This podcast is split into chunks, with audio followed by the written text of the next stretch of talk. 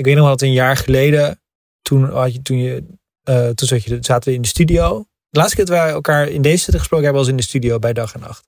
Rond de eh, acquisitie van Dag en Nacht. Oh ja, ja. En toen hadden we het over dat hybride mo- model. Dus dat dag en nacht door zou gaan met advertenties. En toen dachten Alexander en ik, als ik zo fijn mag zijn om voor ons allebei te spreken. Volgens mij spraken we dat ook uit in het interview. Nou, dat klinkt een beetje gek. Je kiest gewoon één model en daar ga je voor. Ja. Nu zijn we een jaar verder. En dag en nacht heeft echt een paar knallers van podcasts gelanceerd. Schaamteloos randstedelijk. Schaamteloos, schaamteloos randstedelijk. Ja, Ja. Ik luister ook graag naar Schaamteloos randstedelijk. fantastische podcast. Echt een een dag en nacht podcast. Echt Ja. een goede podcast. Maar jij, zo heb je er nog een paar. Die, jo- je- die drie jongens. Stijn, Toby en Jeppe. Dat is ook dag en nacht, toch? Ja. ja. Ehm, ook een knaller van een podcast qua luisteraantallen. Ja. Dus dag en nacht. Ik dacht laatst. Podimo kan dag en nacht nu gewoon verkopen. En dan hebben ze er gewoon a- de aankoopprijs weer terug. Dus ja, was dit de strategie, Tim? Nou, Van Morten. het is echt een groot succes nog steeds, dag en nacht.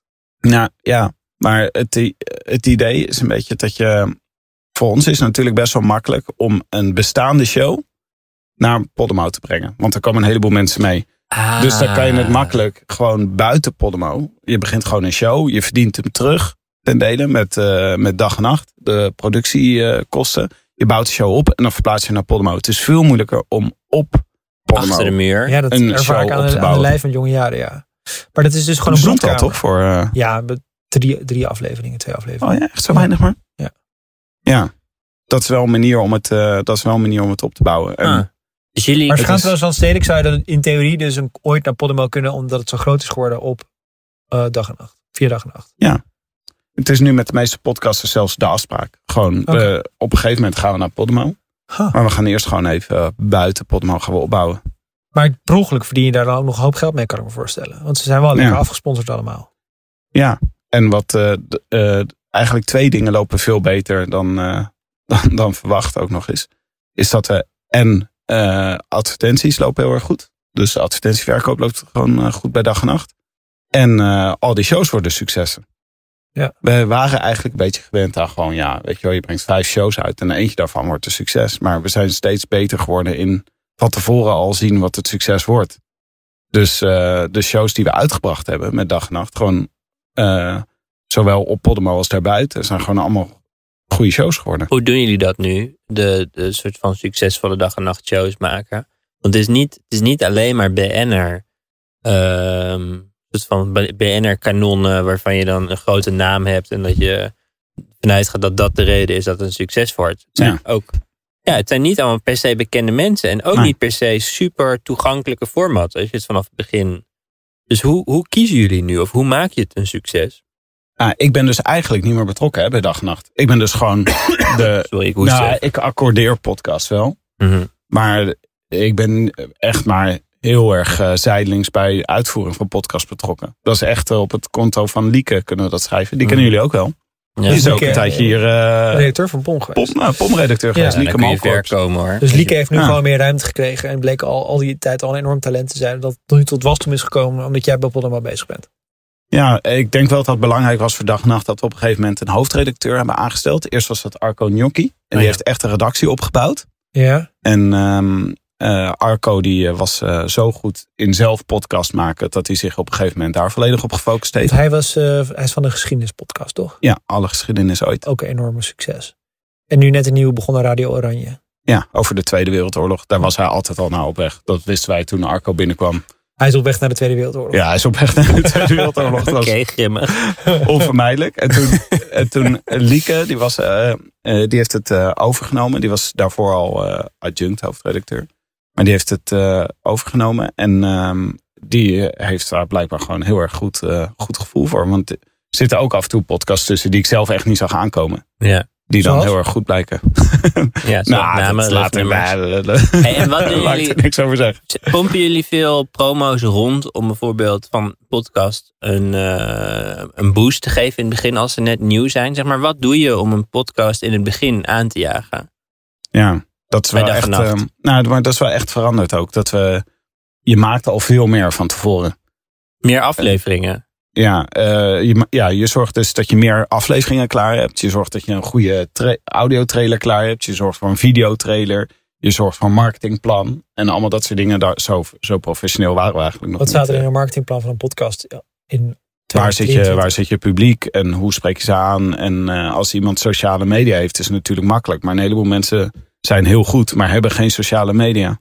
Dus Ja. hoe spreek je ze dan aan? En waar vind je ze dan? En daar, eens een podcast, een recente podcast en, en, en zo'n plan daarbij. En, en, die, en die recente podcast die een beetje populair is geworden.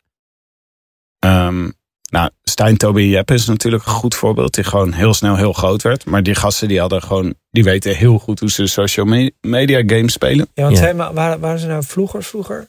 De- Of hadden ze voor als een programma op televisie? Street Lab. Street Lab, oh Ja. dat was het ja.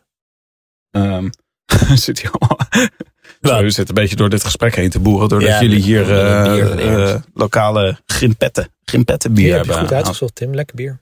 Tim Ehm, was net aan het vertellen wat het succes, de succesformule is achter de Stijn, Toby en Jeppe Om podcast. wat couleur te geven aan het gesprek begon hij even over het bier. Ja. Professional die is. Ja. Nou, zij, zij zijn ontzettend goed in sociale media. En ze weten gewoon hoe ze hun eh, publiek daarmee aanspreken. Dus dat is gewoon een duidelijke. Maar een podcast die moeilijker is. Ik denk dat Schara een goed voorbeeld is. Van Ja. Een podcast die gewoon niet eh, heel duidelijk eh, super mega grote social media kanalen hebben. Maar Nee. wat, waar ze dus bijvoorbeeld ook heel goed in zijn geworden. Is, ehm, eh, nou je maakt dus van tevoren maak je een trailer. En die zet je in een heleboel andere podcasts van dag en nacht. Die al heel veel beluisterd ja, worden. precies. En als je daar op de goede manier de mensen aanspreekt, dan kan je ze je show laten proberen. Ja. En dan moet je ze, ja, dan moet je dus zorgen dat je gelijk die kans pakt als het ware bij mensen. Ja. Dus eh, dan, nou ja, wij zetten gewoon een trailer in een heleboel andere shows. Ja. Nou, dan gaan mensen het De proberen. droom die je vroeger En- altijd van. had, is nu, nu, werkt, nu is het dus groot genoeg dat het werkt. Ja, en wat ook een bijkomende factor is geworden nu, is dat de Podimo app wordt echt heel veel geopend op een dag. Dus eh, als wij een podcast in de etalage zetten in de Podimo app, Ja. Dus zelfs een podcast die niet exclusief bij ons zit, Ja. maar ook op Spotify en Apple en zo te beluisteren is, dan maken we hem al vanzelf best wel groot doordat hij op Podimo verschijnt. Ja. Wat heb je afgelopen jaar geleerd over app development, Tim? Waar moet je lachen om deze vraag, Tim? Nou, omdat ik, eh, ik, heb, eh, ik zit op Telegram eigenlijk uit, vanwege twee groepen. Hmm. Namelijk om met jullie eh, te telegrammen. En omdat de POM-luisteraars mij voortdurend attenderen op dingen die, Mhm. die niet goed zijn aan de app. Ja, eh, nee, ik heb er, ik denk, eh, sorry, maar daar ga ik me niet heel erg druk over maken. Nee, je hebt, dit is gewoon echt een andere, andere. Zeg maar bij dag en nacht was je gewoon de baas van het hele bedrijf. En viel alles eronder, tot aan de software. ja, En nu denk je gewoon, ja, sorry, dat is niet mijn afdeling. ik stuur het allemaal Dit is door. gewoon corporate Tim. Je vertaalt het allemaal naar het Deens. Ja, ik, ik vertaal het allemaal naar het Deens, ik stuur het door. Nee, ik stuur het allemaal netjes door. Maar eh, ik denk dat er één ding wat wel echt belangrijk is. eh, waar ik zelf ook pas later achter kwam. Is dat Podimo is natuurlijk niet echt opgezet als een klassieke podcast app. Maar als een streamingplatform. Ja. Dus hij lijkt veel meer op apps van Netflix en Disney Plus en zo. En Dan, Spotify. en Spotify.